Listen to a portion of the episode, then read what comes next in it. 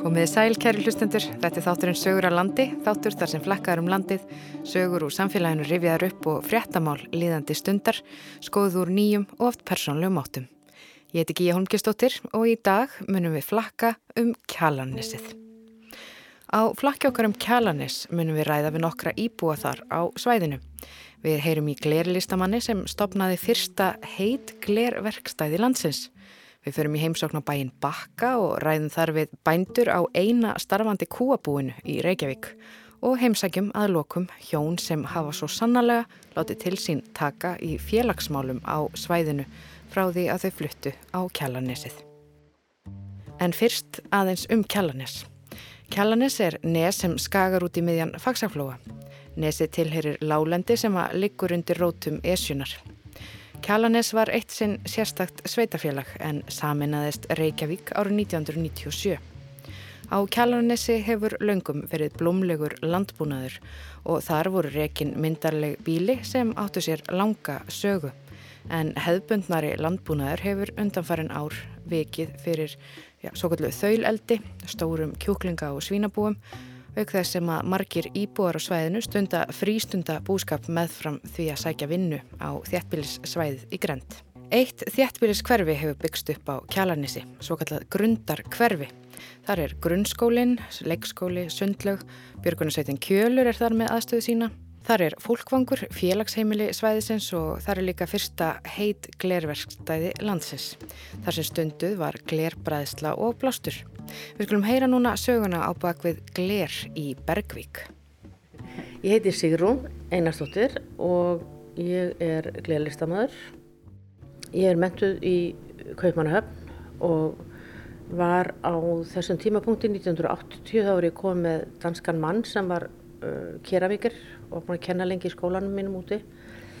Og uh, við sagt, flytjum hingað heim í ágúst og leitum og leitum og leitum. Og það var sagt, sjálfsagt klaufarskapir mér líka hvernig ég leitaði en, en við fundum ekki neitt. Þá kannski við fréttum af, af húsi hérna Kjallanissi og fórum að grænslast fyrir um það sem við keiptum nú reyndar ekki. En þá fréttu heimamenn hérna fréttu af okkur og buð okkur sem sagt uh, út í hús hérna sem við fengum fullt af skýt og byrjum að móka út byrjum að leia það ja. byrjum að móka út og byrjuðum síðan að vorum að vinna í því að smíða húsið upp um páskana 81 líklega Já.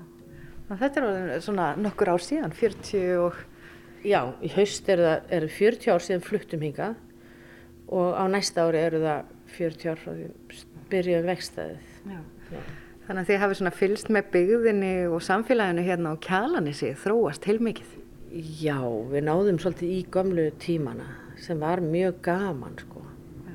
Við náðum, það voru, það voru hérna stoltir bændur, það voru nokkuð bændabíl, þetta er náttúrulega sögulegt svæði mjög frá því í Íslandikasögunum og bæirnir bera ennþá sömun upp eins og Brautarholt, Hóf, Krókur, Likja. Þetta er allt sagt, nöfn úr, úr kjælninsíkarsögu og, og hérna voru mjög stoltir, stoltir bændur og, og hérna þeir voru samt sem áður eh, allir áfjóður í að greiða gött okkar í sjálf og sér og við hefðum aldrei geta gert þetta án velvilja hérna frá, frá hrefnum.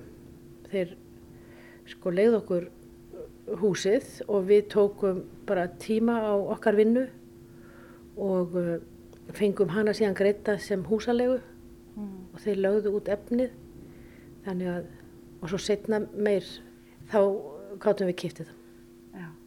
og heldum áfram að byggja það upp og, og svo framins byggðu þetta hús hérna í bóðarhúsið og svona En þið stopnuð hérna og blésu glér uh, og hvernig hvernig var ykkur tekið svona í upphafi? Okkur tekið náttúrulega feikilega vel fólki, við höfum opið vextæði fólk hatt komið og, og skoðað hvernig varan var til og, uh, og þetta var náttúrulega fjör á fernum þetta var rosalega mikil vinna uh mhm. -huh.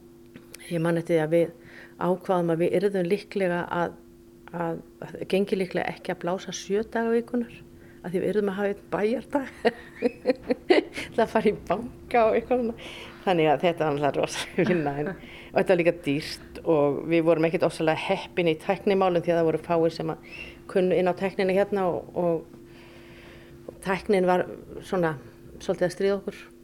Já. En við vorum sérstaklega með ólíopn fyrst sem var hræðilegt því að við þurftum alltaf, þegar rafmagnir fór þurftum alltaf að, að þá ringdi svona brjálu bjalla í húsin okkar og þá þurftum við að, að skilja opnið í sundur af því annars hefði hérna otturinn á brennaranum sem kallir það svona uh mhm. -huh. dísa eða svolítið sem er svona fingert apparat það hefði bara bráðnað af því hitin kennst tilbaka sko. og það voru alls konar svona teknilega atriði og, og, og oljan var söpuleg og þetta var sóðalegt og, og hræðilegt loft og svo framvís þannig að Já. þetta er allt, allt annað sem að setni árin sem að við þetta tók svona sín tóls líka svolítið Já. Þetta hljómar líkamlega erfitt, glerblástur. Þetta virkar svona að maður hefur ákvæmna ímyndum svona delikat efni og kannski fínlegt en þetta er bras, heyri maður. Sko þetta er aðalega erfitt fyrir bak og upphandleiki. Mm. Fólk heldur svo ofta að þetta sé að maður þurfa að hafa mikið loft af því að það hefur alltaf verið svona einhverjar, einhverjar svona túristamindir af glerblæstir þar sem menn eru að blása út á sig kinnarnar. Veist, það var kannski í gamla dag áður en þrýstilófti kom en en það heyrir alveg sögunni til að það sé verið að reyna að blása í stífa hluti. En, en hérna að vera alltaf að bera og vera alltaf að hreyfa glerið uh, er náttúrulega rosalega átök fyrir hendur og axlir. Og svo líka glerið þrísasunum þingra því að það er komið á endan á pípu sem þú getur ekki snert nema miðju pípunar mm. Út af vograflinu það er bara orðið mjög þungt þá þannig að þetta er náttúrulega átök sko Já. Þú ert hægt að, eða ertu hægt að blása? Ég er náttúrulega, ég er náttúrulega kannski ekki alveg hægt að blása sem slikt, ég, síðast því ég var að blása þá var ég í Ukrænu þá var mér búið að koma þangað og, og taka þátt í ráðstöfnu og, og, og gera listaverk og blása og svona mm. og það var mjög skemmtilegt því að þeir rák upp stór augu kallarnir og voru bara eins og lamaðir þegar ég tók aðeins pípuna og blés svona það sem ég taldi að þeir geta ekki gert það því að það er svo sérhæft. Og þá spurði ég þá hvort þeir væri svona hissa því að ég væri gömul kettning sem var að blása glera því að já, það fannst ég vola skrið mm.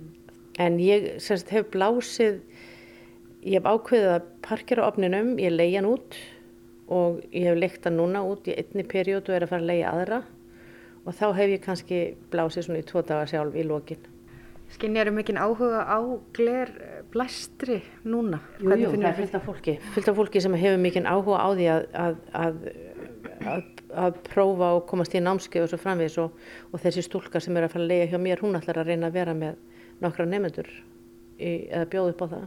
Já.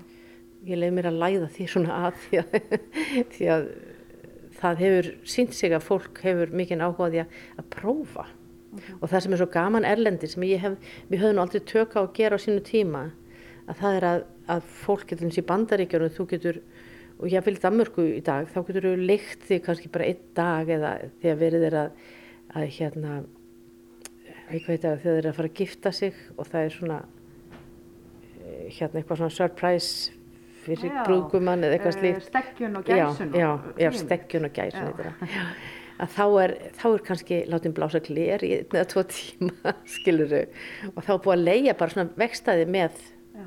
og það kostar bara einhvern ákveðin pening sko og þetta þykir fólki mjög sjálfsagt í bandaríkjónum að fái kannski bara einn dag, gefur vinnu sínum einn dag í námskeiði glérblæstri Já En taland aftur svona um þessa staðsendingu, kjalanesið, eh, þið hafi verið hérna frá loka árs 81 og þið hafið séð þetta samfélag þróast. Hvernig svona, já, segðu mér að bara frá því. Já, þegar við, þegar við komum hérna þá var ekki búið að malbygga alla leðin upp yfir. Þannig að, uh, og í rauninni sko, þá, þá held ég að við hefum komið inn á tíma þar sem að símin var eiginlega ný komin. Bara við erum að tala um vennilega síma sko. Já. Og þetta var að því ég man eftir því að það var svolítið svona maður þurfti að fara að byðlista að fá síma af því að þetta þurfti að afgreða svo marga skilur þetta voru þú sér hverfi hérna við hliðin alltaf hafi ekki verið svona einhverstað bilinu 5 til 7 hús innan við 10 hús sem að voru þá með þeim sem voru í byggingu sko. Já, þú ert að tala um grundar hverfið já, hérna. Já, og það, já, einmitt og það, og það er sem sagt ótrúlega hratt. Þegar reiknuð út að þetta væri bara svona eins og í þriða heiminum. Vöxturinn sem var hérna bæði á fjölkun og börnum og, og sem sagt húseiningum íbúðum. Opbúslegu vöxtur hérna í öllu sko. En þegar við störstum vextaðið og erum með okkar óljuofn og Sören talaði enga ennsku og ég var nú ekki vel að mér í tæknimáli á ennsku og þurfti að stauta mig gegn einhverja pappýra. Ég þurfti ofta að ringja til bandaríkjana og spurja það bara, oh my god, hvað gerum við? Og ef við höfum ringt frá okkur þá höfum við bara farið á hausin. Þannig að inntæknistofnun bauð okkur að ringja mm. og þá þurftum við að keira vestur í Kópó til að ringja til bandaríkjana. Ja. Svona voru tímandi bara. Þannig að þið þurftu að sækja tölvert mikið af bæ þau þurftu svona að fara svolítið mikið já, já, já, já, já. það var náttúrulega það var náttúrulega mikið, mikið breyst svo sem með, með vestlanir hérna eða, eða þannig en, en það er sko meira að segja flest öllum kjálnisingum finnst sem hafa búið svona lengi hérna þeim finnst jáfnveil veðrið vera betra í dag. Veðrinu farið fram og ég held að það hefði nú eitthvað með samgöngur að gera og líka þessi skjólbelti sem eru komin út á trjám trjám og öðru. En það gáttu verið alveg rosalega veður, ég man eftir því eins og það snjóaði svo mikið að þau þetta setja kústsköft niður þar sem bílarnir voru þegar þeir fóru að riðja síðan veginn. Pælti því. Og það var og það var í fleiri, fleiri, fleiri daga sko, sem var svona svakalegt fannferki Já, og taland um samgöngur það hefur nú oft verið lofað það er sundabrautin eh, þú mannst eftir því lofarði langt aftur eða? Já, já, þegar við vorum að flytja hérna þá var bara kortir í sundabraut það var 81 já, loka árs 81 svo kemur sundabrautin hérna og það nú stutt í hana og, og svona. En ég var fegin og sé ekki komin. Ég var sko, egoistist fyrir mig mm. í dag. Þá finnst mér þetta svæði hérna að vera alveg indislegt og dásanlegt og alltaf betra betra að búa hérna. Og það er alltaf verið að lokka mig að flytja í bæin en nei, ég hef engan áhuga að ég flytja í bæin og mér finnst þetta bara að vera heimnaríki að búa hérna frá.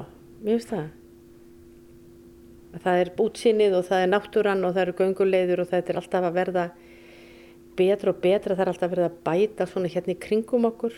Það er á að fara núna að stika út gönguleiður og kjalanissunni ég voru að uppgöta hérna hérna ofanbyggðaveg sem var verið að kynna fyrir mér. Sem er indislegt sem hægt er að lappa hérna alveg tröð alveg frá kvallafyrði og upp í kjós. Já, já. Upp, upp í fjallið fyrir ofan allt. Og þetta er, þetta er bara já ótrúlega gaman, mér finnst veturni vera frekar stuttir, ég er náttúrulega er mikið að skapa alltaf og gera og ég er heppin að, að kunna ágætlega við eigin kompani, ég hef það bara fint með mér en auðvitað er ég mikið í bænum, ég keiri mikið í bæin. Svona að lókum, hvernig sér þið framtíðin fyrir gler stúdíóðið þitt hér og líka bara framtíð Kjallanes? Sko, ef við tökum Kjallanes fyrst þá, þá er framtíð Kjallanes mjög björnt, held ég. Ég, það er bara, leiðin liggur bara upp á við fyrir því fólki sem býr hérna ef maður talar um svona í, í lífsgæðum og, og, og öðru bara eins og öðru fólki á Íslandi. En, en ég veit ekki hvernig kemur verslun hérna uppið þér en það er náttúrulega stutt í verslun.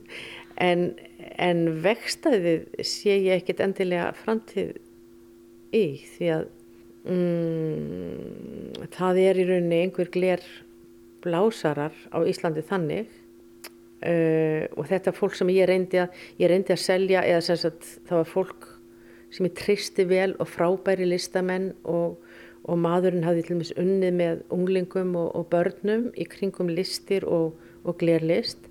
Og þetta fólk vildi leia að mér vextaði með það í huga að kaupa það. Og þetta hefði náttúrulega að því að ég yngist mjög hægt, það hefði verið mjög frábært.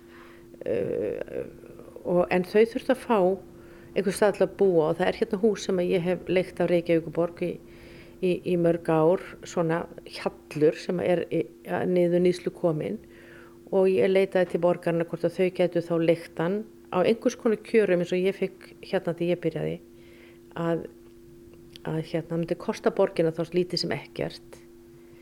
En við fengum ekki eins og svar og ég gekk á eftir svari aftur og aftur og aftur og þetta fólk gafst upp því að ég held að þau hafa bara hugsað að þetta bara er óyfirstíganlegt hjá fyrir okkur. Við vorum lítið barn og, og það er náttúrulega ekkert ósala hvað ég var að segja, lokkandi að fara upp á Ísland og hjara veraldar til þess að berjast þar við náttúru öfl og, og peningamál. Fyrir utan það að það er miklu dýrara að keira vextaði núna með ramagn heldur en var. Já, það er, eh, það er í rauninni varla yfirstíganlegt að reka glerblástursvextaði á sama verði eins og þegar við erum að steikja steikin okkar sko.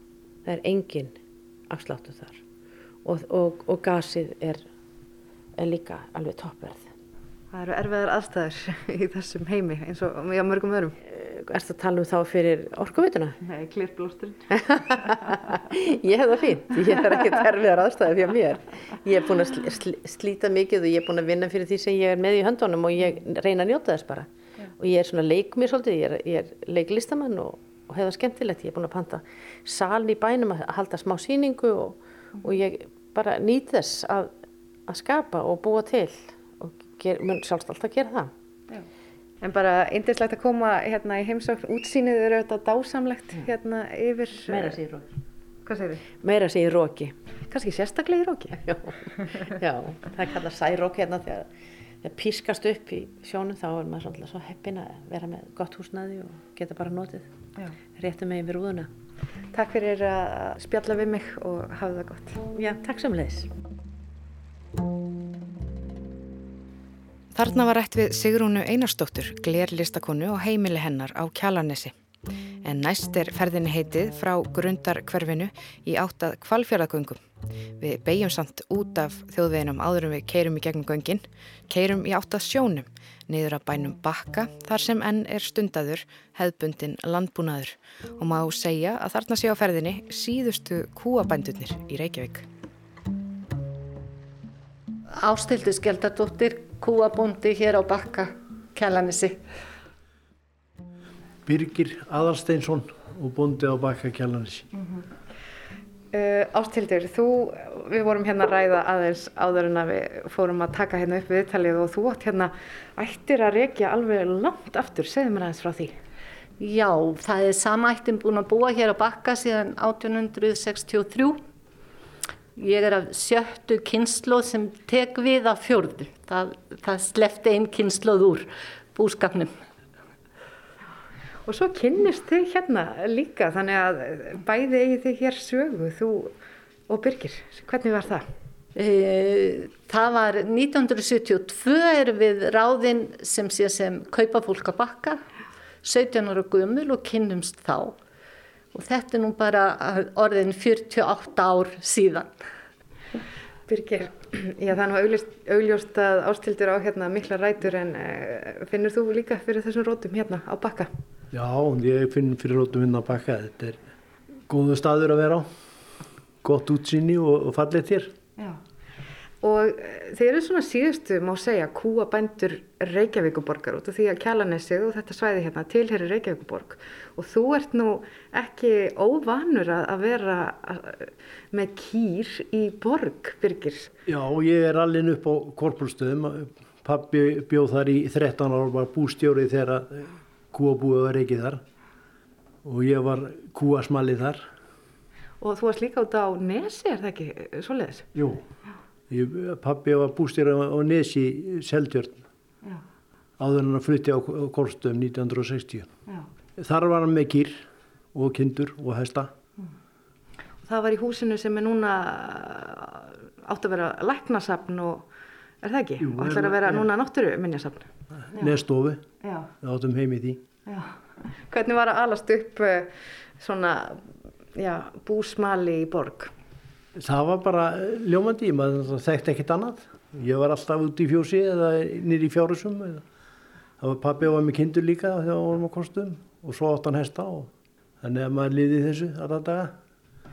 Og svo ferðu hérna sem kaupamæður á bakka á Kjallanessi og hittir þar ástildi. Já, ég þótti náttúrulega ekki eðlulegu maður því að ég hafði minni laun hér heldur en ég gæti haft nýri ábúruveðsmiðu þar sem ég gæti unni líka. En sveitin kallaði. Það var eitthvað sem kallaði mig úr setinni uh, eh, Ástildur hvenar fluttu þið, hvenar kiftu þið þessa jörð? Hvernig er súsaga? Við kaupum þessa jörð hérna 1997 þá voru frændu mínir orðnir fullorðnir og, og uh, voru að bregða búi og uh, kölluð okkur til sín til að aðtöga hvort að við myndum vilja í rauninni taka við og kaupa jörðina og þetta var svolítið skemmtilegt við okkur að bóðið inn í stofu og það var sagt við okkur að þið þurfið ekkert að svara okkur núna en svarið á að vera annarkvort já eða nei, punktur. Og þurftu þið að hugsa þetta lengi? Við þurftum aðeins að velta þessu öllu fyrir okkur og gerðum það náttúrulega bæði okkar á milli og svo við, við hérna töluðum auðvitað við stelpnahópin okkar. En það var í rauninni engi spurning í mínum huga það náttúrulega bakki er bara staðurinn eins og maður segir. Mm -hmm. Og þá stór ástæða kannski fyrir því að þið hafi ákveðið að koma hingað uh, þá þessi langa ættarsaga þín hér Jú, hún spilaði náttúrulega mjög stert inn í og svo náttúrulega og svo auðvitað taugarnar sem ég hef til staðarins. Þetta einhvern veginn hefur alltaf verið svo stór þáttur í mínu lífi alveg síðan ég var sendið sveitingað sex ára gummul. Já. Og hefur þá verið hér bara á hverju sumri síðan þá? E, nei, ég segi það ekki alveg, en ég var hér alveg sem krakki og náttúrulega hafði þessa stóru stöð að vera kúasmáli og síðan eftir því sem ég eldist þá náttúrulega hérna fekk ég fleiri verkefni en síðan vann ég eitt sumar í fiskbúð hjá pappa mínum og, og, og í fiski og það var náttúrulega mjög gott mm. og svo aftur réði ég mig sem kaupakonu þetta örlagaríka sumar þarna 1972 Þegar þið kynntumst? Já, þegar við kynntumst Hvernig, hvernig byrjaði svona ykkar uh, kúa búskapur? Eh, við náttúrulega byggum í bænum, við erum orðin 29 ára þegar að, að var orðið svolítið eiginlega óþreyja að fara bara hreinlega í þessa ævintyra mennsku sem öllum fannst að kaupa sér jörð og, og byrja að búa og þá fundum við jörðaustur í Gölverabæjarheppi sem þá hétt Seljatungu og byggum þar í 13 ár. Já. Og hvernig var sá tími, Birgir? Hann var lærdorsíkur, það voru svo sem erfiðir tímar á mörgu leiti, þetta var bastl. Já. Við byrjuðum smátt og lendum í því að þegar kótin var settur á þá höfðum við engan kóta. Við vorum með fullur í sett, máttum mjölka, vorum búin að fá leiði til þess að mjölka. Þannig að við byrjuðum mjög smátt en svo endaði með því að við vorum með 70.000 lítra í mjölk þegar við fluttum hingað og uh, fóruði þá minguði við ykkur við að koma hingað eða stækkuði þið? Hvernig, hvernig? Við stækkuði við okkur. Það, það var starra bú hérna. Og bústofnin sem þið takið við hér, þetta er af gömlum merk, er það ekki? Þessi bústof sem hefur verið ræktaður hérna? Jú, hann hefur verið ræktaður af fjölskylda ástildar bara í langa tíð. Já. Eh, hvað eru þið með marga kýr? Við erum með bása fyrir 52 kýr og alltaf sé ekki um 100 hausar í fjósi á okkur öllum aldri. Mm -hmm. Já, þetta er nú kannski bara almenn spurning, kúa búskapur, hvernig svona þið hafið auðvitað upplifað þetta í langan tíma, hvernig svona finnst ykkur lífið vera sem kúabúndi? Þetta er, þetta er, rauninni finnst mér þetta að vera alveg óskaplega skemmtilegt starf en ég segi það ekki að það, það væri stundum gott að geta kannski haft tækifæri að fara oftar í frí sérstaklega tala maður um það núna á þessum tímum því að við vorum búin að panta okkur ferði í fyrra til Ameríku og sem betur fer þá lokaði Trump landamæránum áður en að við stegum upp í flugvillina þannig að núna í voru er orðin tvö ár sem við farið í, í frí og, og ég, ég viðurkenni það alveg að, að ég hlakka til þegar ég kemst svona, þó væri ekki nefnir svona fjóra-fimm daga í burtu. En bakki, þurfum að þessum hérna bara þessa jörðu, hvað ennkennir jörðina bakka? Þetta er náttúrulega ákvæmlega þægileg bújörð. Við erum bara með allt hér í kringum okkur, bærin náttúrulega kúrur hérna á bakkanum og jörðin dugar afskaplega vel bara fyrir eh, því sem við þurfum, við, við höfum nægt tún, við þurfum ekki að leita neitt annað. Það er náttúrulega, við erum hérna, það er jafnlangt fyrir okkur til dæmis að ef við þurfum að sækja í búðir sem við þurfum auðvitað, það er jafnlangt hvort að ég fer upp á Akranes eða nýri Músesbæ og ég fer mjög oft upp á Akranes, það er bara þægilegt að fara í gegnum göngin og, og minni umfyrð ykkur neginn heldur en að keira nýri Músesbæ þannig að, að ég þekki orðið Akranes bara nokkuð vel Já. og jú, það getur verið kvast hérna en, en, en það er líka lognið er alveg dásamlegt. Maður kann að meta lognið þegar maður veit hvað hvassviðri er, er það ekki? Það er alltaf logn á kjallinu, það er bara flítið sem meðsmyggandi. En svo er nú, þið eru í smá tilraunaverkefni, það er hérna mm, hópur frá Hvanniri sem að ákvaða að setja niður skjólbelti og er svona aðtöga hvað virkar best. Segðu mér það svo þeggi. Já, við hérna lánuðum bara eða, land undir tilraunaræktun og skjólbelti og, og hérna til að kanna hvernig já, mismunandi plöntur hafa það hérna á kjallanisinu og það verður nú bara að segjast eins og er að það kemur mér allavega óvart hvað það hefur gengið ótrúlega vel. Og hvaða tegundir eh, vaksa svona best og virka best? Já, það sem er svolítið kvast. Það er nú eiginlega ekki kannski komið alveg í ljós með það ennþá. Þetta, þetta skjólbelt er það ungt. En við höfum verið að rækta svolítið og örspin, hún plumar sér mjög vel hérna. Víði tegundir reynir og byrki til dæmis. En þetta hús sem að, hérna, við setjum hérna í núna og við erum hann alveg út á bakkanum einhvern veginn, þetta er gamla húsi sem var hérna? Eða hva, hver er saga húsins? Já, þetta hús var byggt af langafa mínum 1923 og þá fóru þau úr torrbænum og, og síðan var byggt við það 47, stækkað, en það áttu þau 11 börn. Og, og síðan hefur bara hver, hver kynnslóðin búið hér síðan. Já. Og hver eru svona draumar ykkar varðandi framtíð bakka?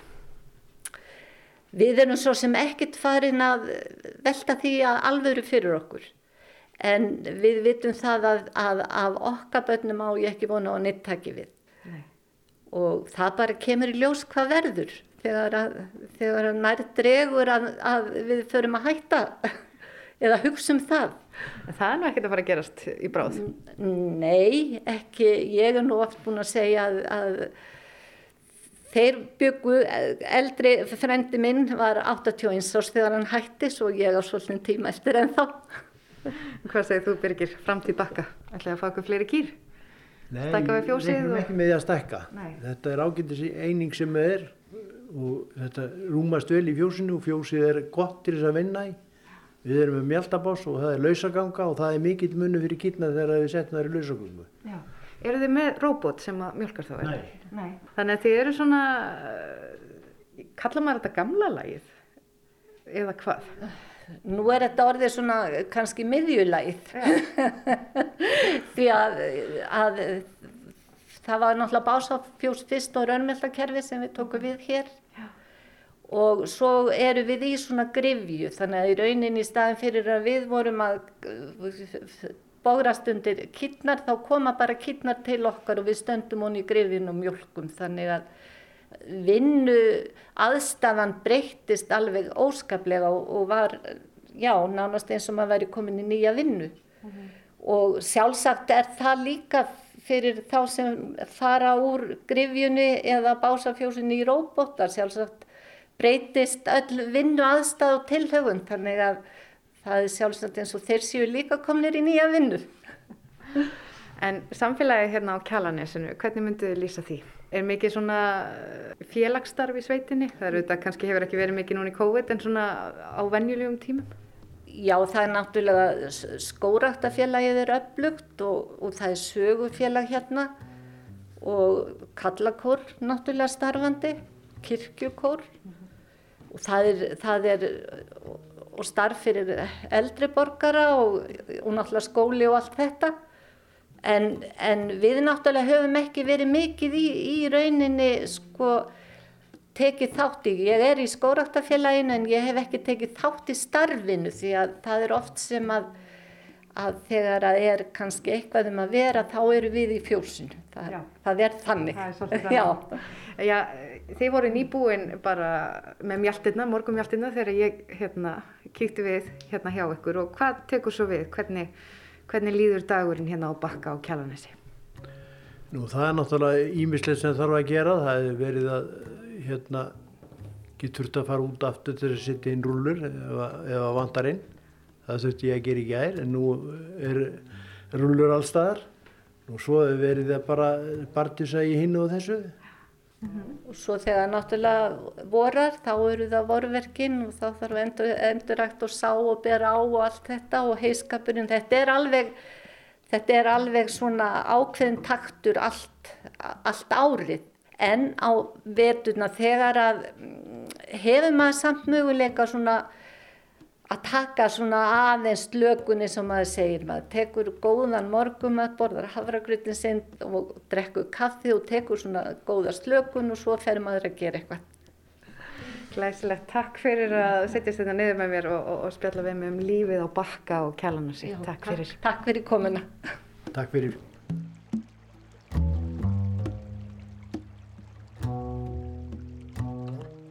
Rætt var við hjónin Ástildi Skjaldardóttur og Birgi Adalsteinsson, bændur á bakka og kjalanissi.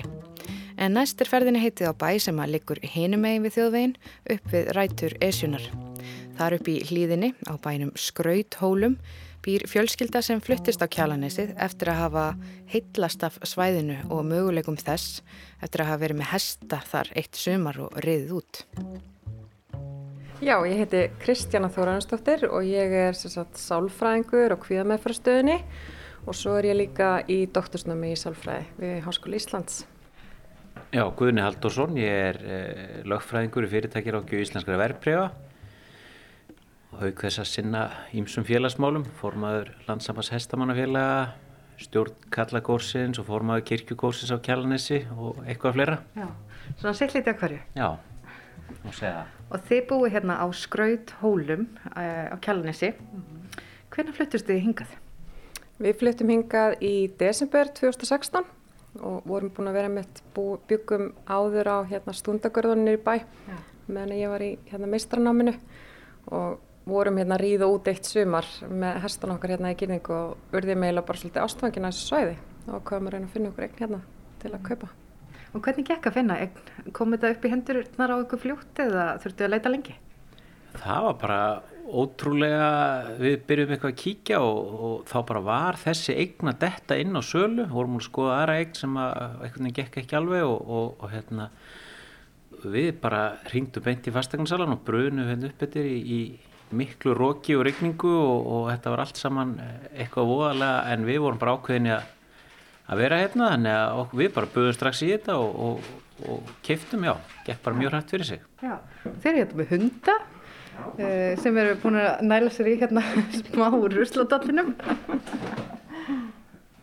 en þú sagði mér aðan að þú væri mikið í félagsstarfi og þið hafið svo bæði blásið svolítið lífi í kirkjukór sem var hérna starfrættur en var búin að vera svolítið svona lengi ekki neinn starf sem er þar komuði hingað og bara ákveðuði að, að leggja allt í sjölunar að bara aðeins að koma með svolítið lífi í samfélagið?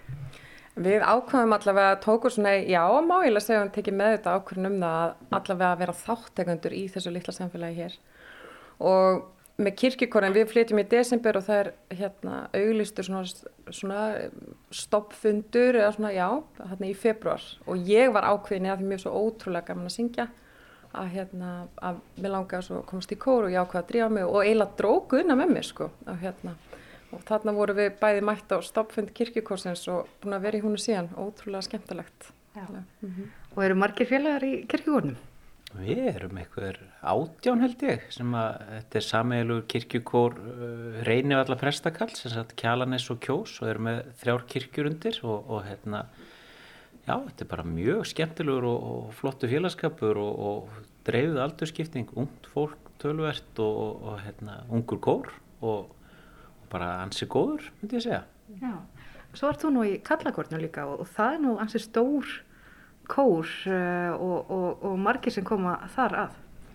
Já, það er luxus vandamál að það hefur verið, ekki vandamál, það er að það hefur verið mjög mikil ásókn í kórin en það ofbóðslega skemmtilegu félagskapur, mikið, gerum mikið saman og förum, syngjum við það og ferðumst mikið og tökum kónunda með og allavega og, og þetta er já, 70 manna kór, 70 kallar á öllum aldri og, og og mikil dýnamík og, mikið gaman og bara frábær kóruð þetta, kraftmikill og, virkilega góður.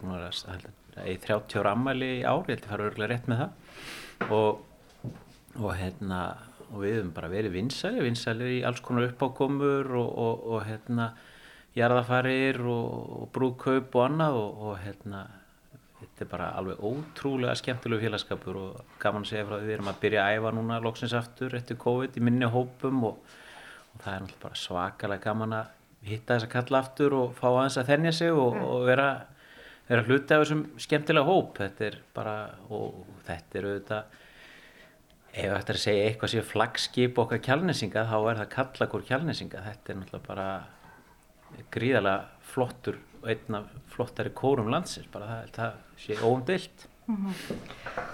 Já, það er svolítið personu maður veit svolítið mikið um personu fólks vitandi kannski hvort maður sé tenor eða bassi eða allt eða sóbran, hvort ertu tenor eða bassi? Ég er fyrsti tenor sjálfsögða skýna það ekki svolítið í gegn Og ræðum þá hestamennskuna það er nú margir tenorar í hestamennsku er það ekki? Jú. Þú ert orðin formaða landsambands hestamannafélaga segð mér aðeins svona frá þínni hestamennsku og, og, og þessu félagsstarfi og þessu sem að þú ætlar að koma og þið hérna á stað, þessari leið. Já, þetta er nú, þetta er nú svona svolítið sitt á hvað, hérna mm -hmm.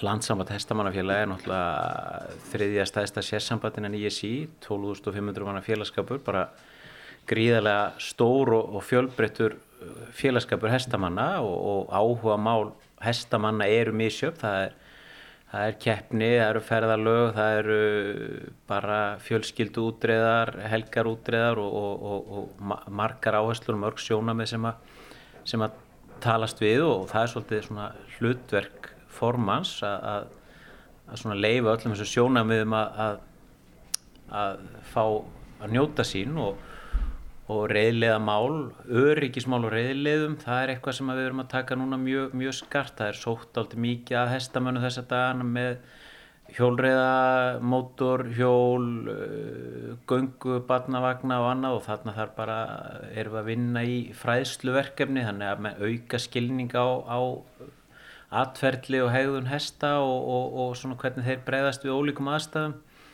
E svo snýst þetta auðvitað um það við þurfum bara að gera gangskur í nýliðunamálum reyna að fá fleiri inn í greinina hjálpa ungu fólki krökkum að komast inn í hestamennskuna það er svona uh mhm. -huh. hitt stóra áherslumálið fyrir utan þetta venjulega keppnina og annað sem að eru auðvitað margir alltaf með fókusin á en, en, en hitt hefur kannski svona aðeins þarf að bæta þess í þetta fyrir svona almenna hestamann því að stór hluti af, af hestafólki er ekkert að spá í keppni. En það eru auðvitað ekki minna mikilvægt heldur. Uh, já þau minnist á, á reyðilegðinu og við erum að tala um kjalanissið að, að þá var hérna í fyrra fyrra frekar en hitti fyrir að opna gamla þjóðleðinu með esju hlýðar sem að tengir saman svæði, höfuborgarsvæði, Reykjavík, Mósfellsbæ og Kjósin og þetta er alveg gríðarlega fallið og skemmtilega leið sem að liggur hérna upp í hlýðinu fyrir ofan okkur og og frábært útsinni til allra átta og, og vel gerð frá náttúrunar hendi og þessi leið henni var lokað upp úr 8-10 með alls konar gerðingum og, og þvergirðingshætti landegenda ímissa eh, sem að tók daldið mörg ára snúa niður af og, og ég ætla nú ekki að eigna mér, eigna mér heiður af þessu nema síðu séð. Þó ég hef komið eitthvað, eitthvað að því og aðstóða eins og ég hef getað en þetta var bara frumkvæði heimamanna hérna á kjalarins og unnu kjós og, og bara með þeirra atorku og, og þrjósku og dugnaði sem að þetta er að nást og, og þetta sýnir það það er alveg hægt að gera þetta víðarheldi því að víða er búið að loka á okkur hestamenn þessar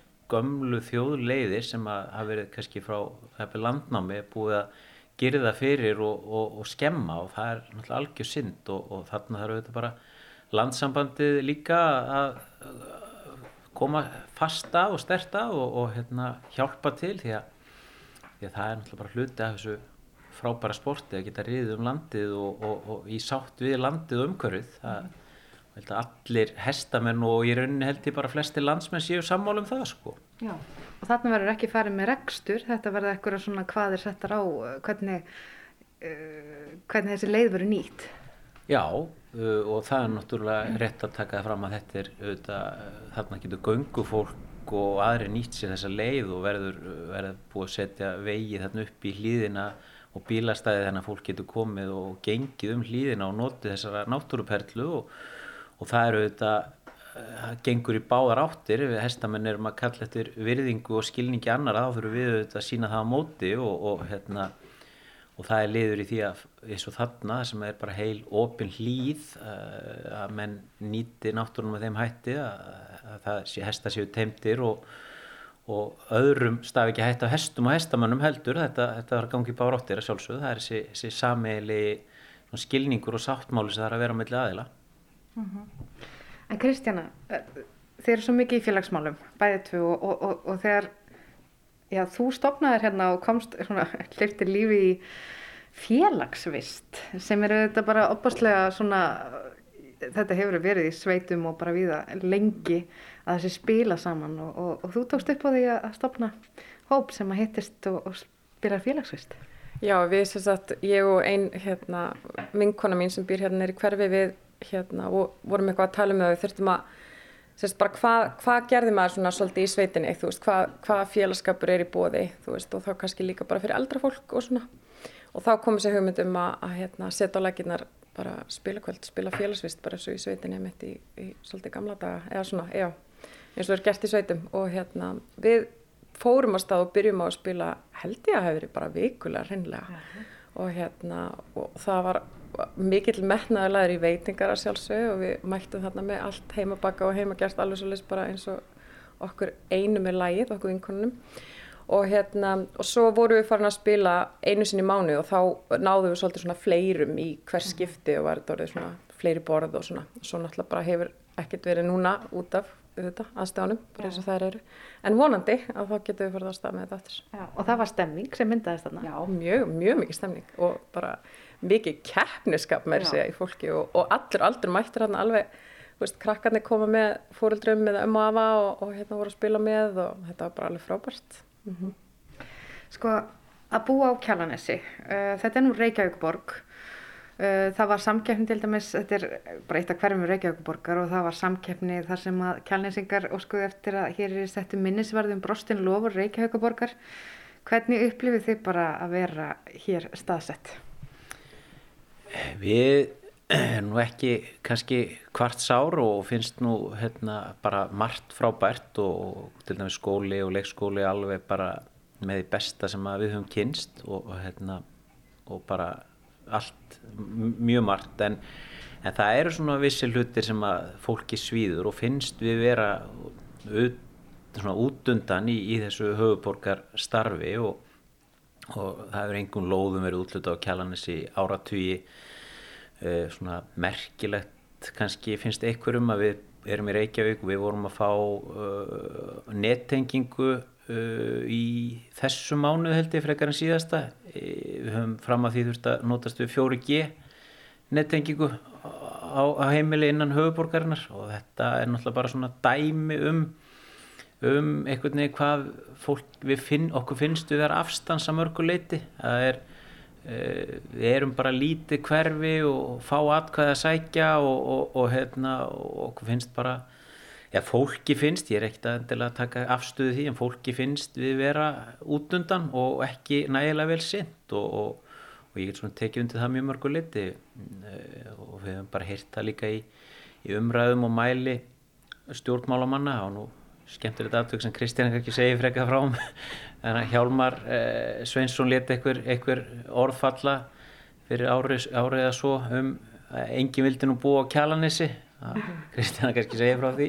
Og þú hefði ekki verið sammála því eða hvað? Nei, ég er sem sagt að þetta kom var bara á samfélagsmiðlum, gekk á milli það sem var verið að hérna, það sem hann er í pontu á, á einhverju borgarstjórnafundi eða já og er svona að setja út á það að eiga, þú veist, að tala um að svona eitthvað að byggja upp sagt, hér og þar og, og hver vilja, og vilja nú bara enginn búa kjálnesi og svona e, það voru fleiri starfna líka inn í en, en kjálnesi var þar að mjöl, mér fannst þetta svo ótrúlega sorglegt að ég ákvæmst þetta hérna, ofinböra hérna, ofinböra fæslu á Facebook þar sem að ég hérna bauðunum hjálmari bara, ég sagði bara hér er bara besti staður í heimi til að búa og þykir okkur og bara endilega bjóða hjálmari og, og hérna í kaffi og skrautála til okkar.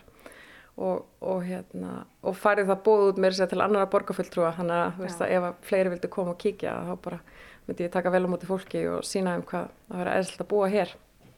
Og ég hérna og hann tók nú vel í þetta á Facebook sko og skri, skrifa þess að kommentaði á hennar status á þessa fæslu og hérna og ég átti aldrei vona að það myndi koma þannig að ég er hérna bara eitt sunnudaginn styrstu og eitthvað.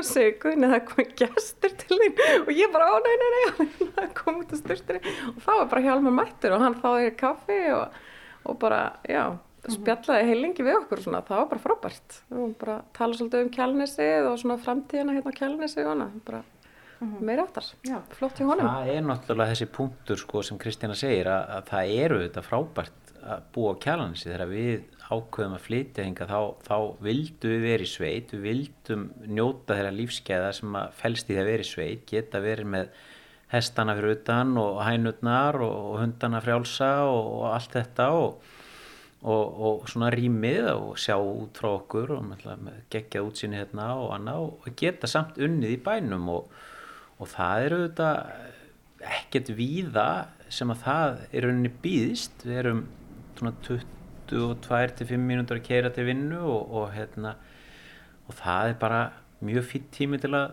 gera upp daginn eða, eða þú veist hlust á hljóðbók eða ráseitt eða eitthvað á leiðinni sko. Þannig að hérna e, þannig að það er bara það er frábært að búa kjálnsi það er bara engi spurning og, og, og bara, bara fleiri þurfa átt að segja á því. Það er alltaf að tala um rókið hérna og svona og það, það blæs alveg stundum um okkur og, og það fóki hérna bílar og annað en, en eh, ég verð að segja alltaf fyrir mig alveg upp í borgarferinum til dæmis og verið mikið þær borgarnissi og borgarferði að, að ég hvergi annar staðar upplifið jafn mikið logn eins og hérna kjálninsinu þetta er eiginlega svolítið svona on eða off. Það er á sumrin er bara, bara ekkit óalgengt að þetta verður með kerti úti bara á kvöldin og, og bara það er við sem áttum er logn og við sem áttum er rók og það er svona sjaldan einhver næðingur eða eitthvað, það er bara annarkort þannig að, þannig að við takjum aðeins þessar rók umræðu enninu sinni En talaðu því bara um eins og þegar Hjálmar settist hérna við eldursporið hjá okkur og spjallaði og þið rættuðu aðeins um framtíð, vantarlega kjalanis. Hvað segir þið um framtíð þessa svæðis? Ég held að það sem að kjalanisi þurfi gríðarlega, bara eða þurfi á að halda er bara fólk sem er ungt og hérna barnafólk og annað bara til að halda samfélaginu gangandi í rauninni. Þessu litla samfélagi hér sem við búum í. Það er bara Já, það þarf bara að nýta sérstöðun og vera með, uh, búa upp á búsettu úrræði þannig að sé, að verði útluta hér lóðum og fólk geti bara byggt og það fylgta fólki sem vill, vill leggja á sig smá keistlu gegn því að vera með rými kringum sig og, og mínum að þetta ánáttúrulega skipulegja bara aðeins öðruvísi hverfi á kjalanissi, það sem sem að lóðir eru stærri og fólk getur verið jafnvel bara með eins og ég segi, hesta bara í gardinu hjá sér og, og annað. Og við erum í sveit og erum öðru í sig hverfi og við eigum ekki að reyna að búa til eh, annan grafavó eða gravarholt eða vestubæði på kjalanissi, það er alveg áfrá við eigum að gera kjalanissi á öðru í sig byggð sem er eftirsoknaverð fyrir þá sem að kjósa þannig búsetu. Við eh, Já, það, og það hefur manni fundist bara skorta vilji til þess að byggja upp kjálans það hefur verið svona, stundu fundist vilji bara til þess að vonast til að kjálans eitthvað niður bara eh, byggði einn svona smá feiti út og það er bara sorglegt. Já.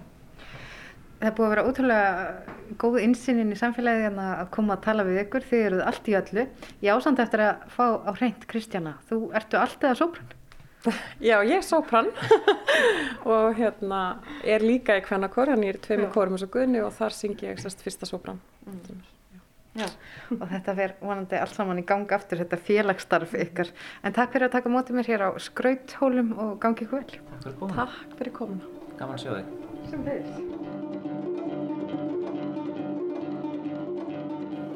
Þarna var rætt við Kristjánu Þórarinsdóttur og Guðuna Halldórsson á skrauthólum á Kjalarnesi. Og þar með er flakki okkar um Kjalarnesið lokið og sögur af landi hverja. Tæknumæri þessum þætti var Úlfildur Eistensdóttir. Við þökkum þeim sem hlýtu lifið heil.